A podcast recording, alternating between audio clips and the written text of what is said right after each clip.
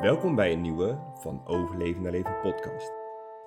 De podcast over de zoektocht naar geluk. Vandaag geven we antwoord op onze zoektocht. Een antwoord op de vraag: wat willen we nou met ons leven? Waarin we uh, in podcast 18 uh, openlijk over gesproken hebben. Dat noemden we toen optie A, B en C. En uh, we hebben richting gevonden. We weten in ieder geval voor de komende tijd wat we willen. En daarover straks meer. Want het is ook wel weer even bijzonder, vind ik, om, om zo samen achter de microfoon te zitten. Ja, zeker. Het is de eerste podcast van 2020 samen. Ja. Wel weer uh, echt heel erg leuk. Ik heb er zin in. Ja, ik ook, ja. Want uh, nou, we hebben natuurlijk allebei apart een meditatie en een visualisatie opgenomen. Dat was het idee van, nou, we beginnen 2020 even anders. Mocht je nou nog nooit gemediteerd hebben of nog nooit gevisualiseerd dan kan het leuk zijn om dat een keertje te proberen. En de laatste podcast heb ik zelf opgenomen. En uh, nou, het liep gewoon allemaal even zo. Maar juist deze podcast is wel heel leuk om samen weer te doen. Het antwoord op onze levensvraag voor nu. ja, ik denk dat het goed is om even optie A, B en C te herhalen, wat het ook weer was. Heel goed. Ja. Zal ik dat doen? Ja. Oké. Nou, optie A voor ons was um, een gezinsleven starten. Dus kijken of we samen zwanger kunnen worden. En um, had ik gezegd, het burgerlijke leven omarmen. Optie B was een huis meer in de natuur. Dus daarnaar op zoek gaan, bijvoorbeeld in uh, ja, Noord-Nederland of misschien in het buitenland. In ieder geval meer ruimte, meer rust. En dus in de natuur. En optie C was samen nog voor langere tijd op reis gaan. Waarbij we jullie als luisteraar mee zouden nemen met, uh, met de podcast. En uh, zelf ook weer op een ontdekkingstocht zouden gaan. Ons werk op zouden zeggen. Ja, veel zouden wandelen, veel in de natuur zijn. Ja, ja en die drie opties, daar waren we toen uh, op een zondagmiddag in de duinen. Hebben we daar heel uitgebreid over gesproken. En vlak daarna hebben we die podcast ook opgenomen. En nou, daar hebben we heel veel reactie ook op gehad. Van, nou, hè, weten jullie het al? We hadden onszelf in eerste instantie tot de kerstvakantie gegeven om daar nou ja, achter te komen. Maar we hadden gewoon wat langer nodig. Maar het is nu begin februari en we zijn eruit. Optie A, B of C. Wat denken jullie thuis? Maak het even spannend. 3, 2, 1. We, we zijn, zijn zwanger! ja, we verwachten een kleintje in augustus 8-8-2020. Dat is ook wel een mooi verhaal hoe dat tot stand is gekomen. Want, uh... Ik denk dat de meeste mensen wel weten hoe het tot stand komt, maar... ja, oké. Okay. Dat is waar. Maar... Uh... Ja, het verhaal achter de schermen. Het verhaal achter de schermen, niet in detail, maar even het in het kort. Het was zondagavond. het was warm binnen. We hadden lekker gewandeld in de duinen die dag. Dat was dus de dag van het gesprek over optie A, B en C.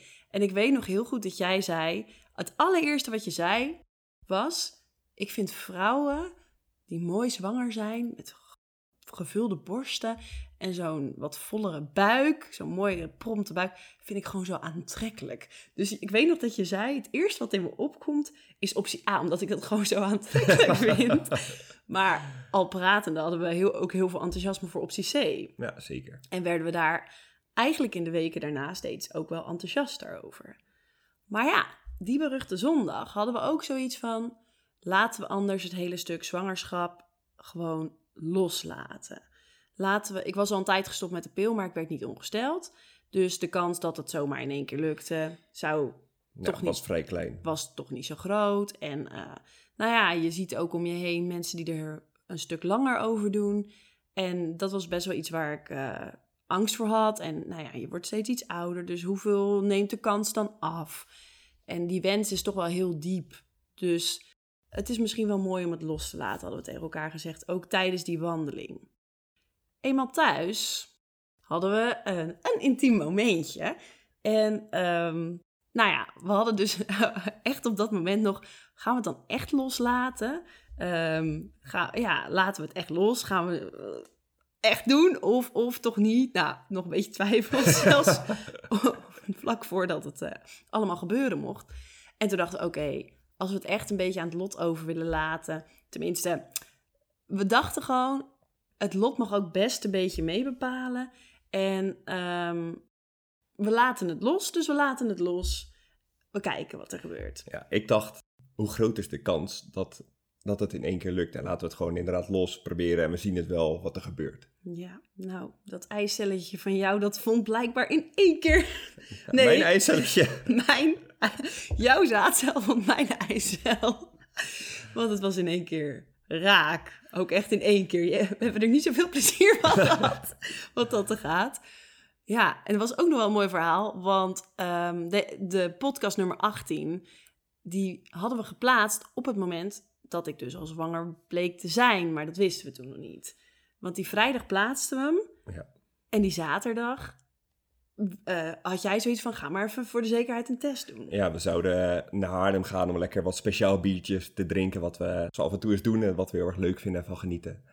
En ik zei tegen niet van, nou weet je, doe nou maar zo'n test, want je zou je toch wel knap lullig voelen als je blijkt dat het blijkt dat je zwanger bent, maar dat je toch wel best wel wat biertjes weg hebt lopen tikken. Ja.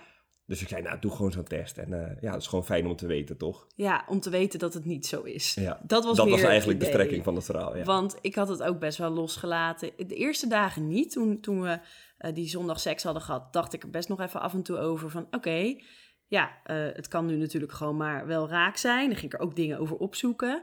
Maar na een paar dagen dacht ik er gewoon eigenlijk niet meer aan.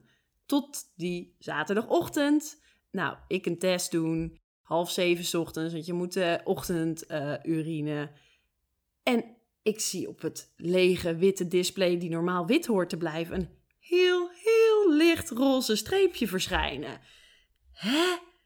Nou, dat gaat niet goed.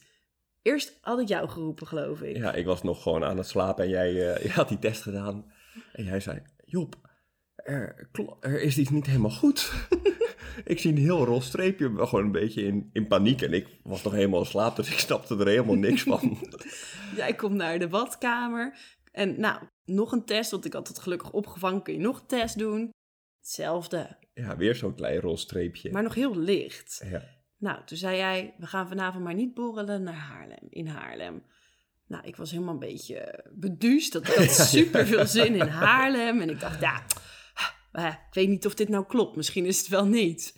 Maar goed, we dachten, weet je wat, laten we maandag nog een test doen. Want dan is het weer wat verder en dan, dan weten we wat meer. We hadden dus nog niet echt heel erg het idee van het is zo. Maar we hadden Nee. er wel al veel gesprekken over. Van oké, als het wel zo is, ja, oh jee, eh, dat is snel. Maar ook leuk. Maar nou, oké, die maandag weer een test. En dat was toch wel heel duidelijk, hè. Echt een streepje. Ja. We zijn zwanger. Oké. Optie A is geloof ik een feit. Ik weet nog wel dat ik echt eh, best wel moest wennen aan het idee. Want ik, Ja. ik zat echt best wel op die optie C. En dat, dat zag ik ook echt helemaal voor me dat we dat zouden gaan doen. ja. Ehm, en toen opeens ja, bleek optie A. En ik heb echt wel een paar dagen de tijd nodig gehad om, eh, om te Mhm. wennen aan het idee. En ik had ook, nou, die, die zaterdag dat jij die test had gedaan, ja, was ik echt een beetje in de war. En eh, nou, ja, stress is een groot woord, maar ik, ik snapte het gewoon even allemaal niet meer zo goed. Nee. Hoe het nou, ja, hoe ik al de, alles een beetje aan elkaar kon, eh, kon knopen.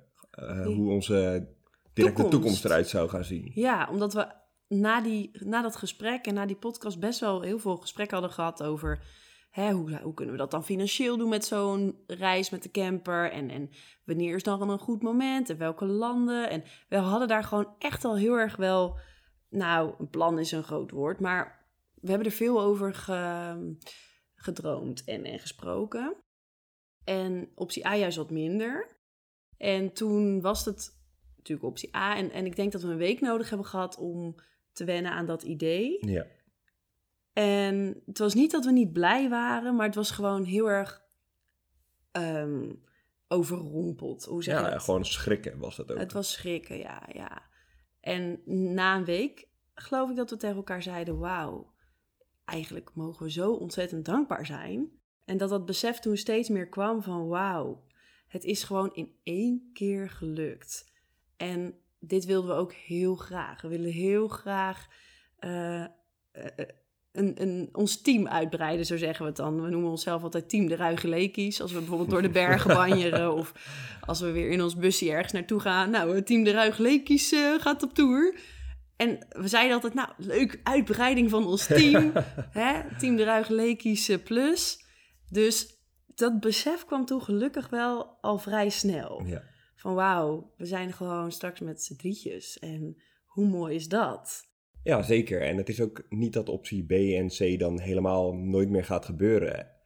Daar hebben we ook wel ondertussen meer gesprekken over van... Het is ook heel mooi als dat juist met een kind of met kindjes eh, samen mag en kan gebeuren. Dat dat ook echt nog een verdieping kan zijn, juist op optie B of juist op optie C. Ja, En ja, dat voelt ook alsof de, de cirkel dan meer rond wordt. voor ja. mij. we hebben al die reis met z'n tweeën gehad twee jaar geleden. Wat super mooi was. En als we weer de reis zouden doen, is het misschien wel een stukje herhaling van toen. Of nu, stel dat we dat met, met z'n drietjes of uiteindelijk met z'n viertjes, een reis of juist een, een meer leven we misschien een tijdje in het buitenland of, of in de natuur. Ik denk dat dat ook een soort nog meer zingeving geeft aan de reden dat je zoiets gaat doen. Want stel je bent op reis en je kunt je kindje de dingen leren die je dan meemaakt. Dus het leven in de natuur, eh, het van andere mensen en culturen leren. En ja, het is heel mooi als je daar met z'n tweeën van kan leren en daar met z'n tweeën in kan duiken. Maar als je daar je kinderen in mee kan nemen of je kind en het eh, zeg maar mee kan geven in de opvoeding en in de ontwikkeling van wie dat kind mag zijn en mag worden. Dat, ja, ik krijg gewoon kippenvel als ik dat zeg. Dan denk ik, Ja. ja, wauw, als je dat kan doen. En weet je, het kan gewoon. Het is allemaal anders. Ja, we gaan niet gelijk weer, zoals we doen, dagen door de bergen. Al kan dat ook. Je hebt prachtige rugtassen waar zo'n kleintje in kan. Maar natuurlijk is het aangepast, want alles draait om het ritme van je kind. Je kan niet jezelf op één zetten, het kindje staat op één. Nou, in ieder geval denk ik in het begin. ja, Maar nou, je moet altijd rekening houden met. ja, je moet gewoon, nou, ik denk dat je rekening, houden, rekening moet houden met ook een andere persoon. Dus normaal gesproken hoef je alleen rekening te houden met jezelf en met de ander. Dus Mhm. jij in dit geval, of ik voor jou. En nu komt er natuurlijk een extra persoon bij waar je ook rekening mee moet houden. Maar ehm, ja, dat kan ook juist heel mooi en heel verdiepend zijn. Ja, het, wordt, het is gewoon een ander niveau. Ja, en eh, wat, toen je dat net allemaal zei, dacht ik, dan kan je gewoon die vreugde en de dingen die je daar, nou, daar, die je dan zou leren, die kun je gewoon delen met nog een andere persoon. Met je gezin. Ja, Ja, met het, eh, dat, en dat spreekt. Nou, als we het daarover hebben, word ik ook gewoon super blij. Dus ik vind het ook wel heel fijn. We hadden eigenlijk vrij snel, nou ja, we hadden het dus vrij snel ook allemaal omarmd. En we waren ook vrij snel heel blij en dankbaar. En toen ook wel zoiets van, ja, maar het is niet dat, dat dus dat het daarmee de deur dicht gaat voor reizen. Of de deur dicht gaat voor in het buitenland wonen of in de natuur een huisje. Juist niet. Misschien krijg je ook wel een kindje dat heel erg die behoefte heeft om heel veel buiten te zijn. Nou, dan is het een extra stimulans om te zeggen, hup, we gaan het gewoon doen. ja, Want nu zitten we best wel vaak in die twijfelzone en dan is er heel veel reden om het niet te doen. En het kan natuurlijk zijn dat dat met een kind juist, ja, dat je, dat, dat veel, dat het duidelijker wordt of zo. Misschien ook niet. Je weet het gewoon ook niet. Maar het is in ieder geval niet zo dat B en C dan ineens niet meer kunnen. nee. Dat realiseerden we ons heel erg. ja, zeker. Ja, waar we ook achter kwamen is dat als je er eenmaal achter komt dat je zwanger bent, dat er ook direct best wel veel op je afkomt. Dat je ook Zo. wel echt veel moet regelen gelijk en eh, ja, bepaalde keuzes ook wel moet maken. Ja. En in het begin was dat eh, nou, op zoek naar een ver- verloskundige waar je je prettig bij voelt. Maar ja, eenmaal de eerste afspraak daar ging het over zo'n NIPT-test. En dat is dan om te testen of je kind syndroom van Down heeft of Edwardson of nog eh een ander, in ieder geval Syndroom. chromosomale afwijkingen. En daar hebben we ook wel eh, best wel lang over nagedacht van ja, wat, wat moet je met zulke soort eh, dingen doen? Dat vonden we ook echt wel lastig. Je moet je al inschrijven voor de. eh, nee, je, je moet, er komt al veel op je af. Veel keuzes, inderdaad. En, want het is misschien wel goed om te weten, ik ben nu dus 13 weken. Augustus uitgerekend, 8 augustus. En ehm, in die 13 weken, of je moet dan tussen de 12 en 16 weken, moet je dan bloedafname doen voor zo'n NIP-test. En eh, onze verloskundige gaf ook wel echt heel goed aan van, nou ja, hè, als je het doet, je moet, je moet er rekening mee houden dat het dus ook een positief, dus niet positief voor ons, maar dat er dus iets uitkomt wat, eh, wat een syndroom blijkt. Ja, wat doe je dan? Ja, daar hebben we dan weer zoveel gesprekken over. Van ja. Ja. oh, we gaan er dan ook heel serieus mee om. Van ja, moeten we dan nu al weten wat we zouden doen als het Down heeft? Of als het Edwardson eh, heeft, of wat dan ook. En dat eh, vinden we wel eh, best heftig. Ja, toch gekozen om de NIP wel te doen. Ja, En ehm, Omdat we toch wel uiteindelijk de overhand gaven aan liever wel weten dan niet weten. En dan kun je vanuit die kennis een bewuste keuze maken. Ja, maar dan gaan we er natuurlijk vanuit dat het allemaal goed zit en klopt en allemaal gezond is. Ik denk dat het helemaal goed, uh, goed zit. Met zo'n 12 weken echo, dan zie je natuurlijk echt al best veel. En, ja, dat was ook bijzonder. Ja, was leuk.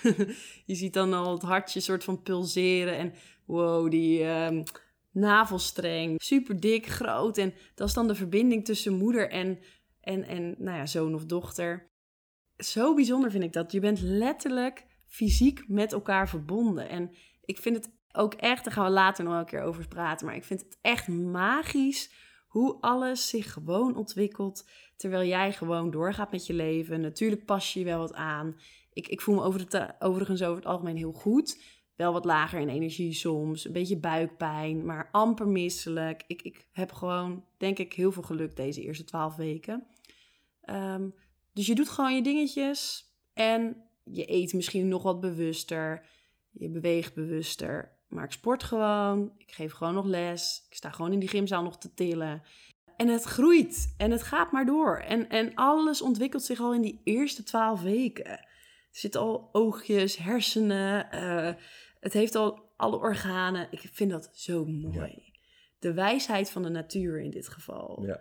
Het, is, het begint met twee cellen. Een eicel en een zaadcel. Het vindt elkaar. En er ontstaat gewoon een mens. Ja, echt bizar. Ja, ik vind dat echt heel, heel mooi. En ik denk dat dat een mooi eind is voor deze podcast. Vertrouwen in de kracht van de natuur en wat er nu in mijn buik zich afspeelt, is voor mij het toppunt van vertrouwen hebben in dat de natuur weet hoe het hoort en hoe het moet. En daarmee zijn we aan het eind van deze aflevering gekomen. Leuk dat je weer hebt geluisterd en tot de volgende keer. Wil je op de hoogte blijven van de nieuwste releases? Dan kun je ons volgen op Instagram van overleven naar leven.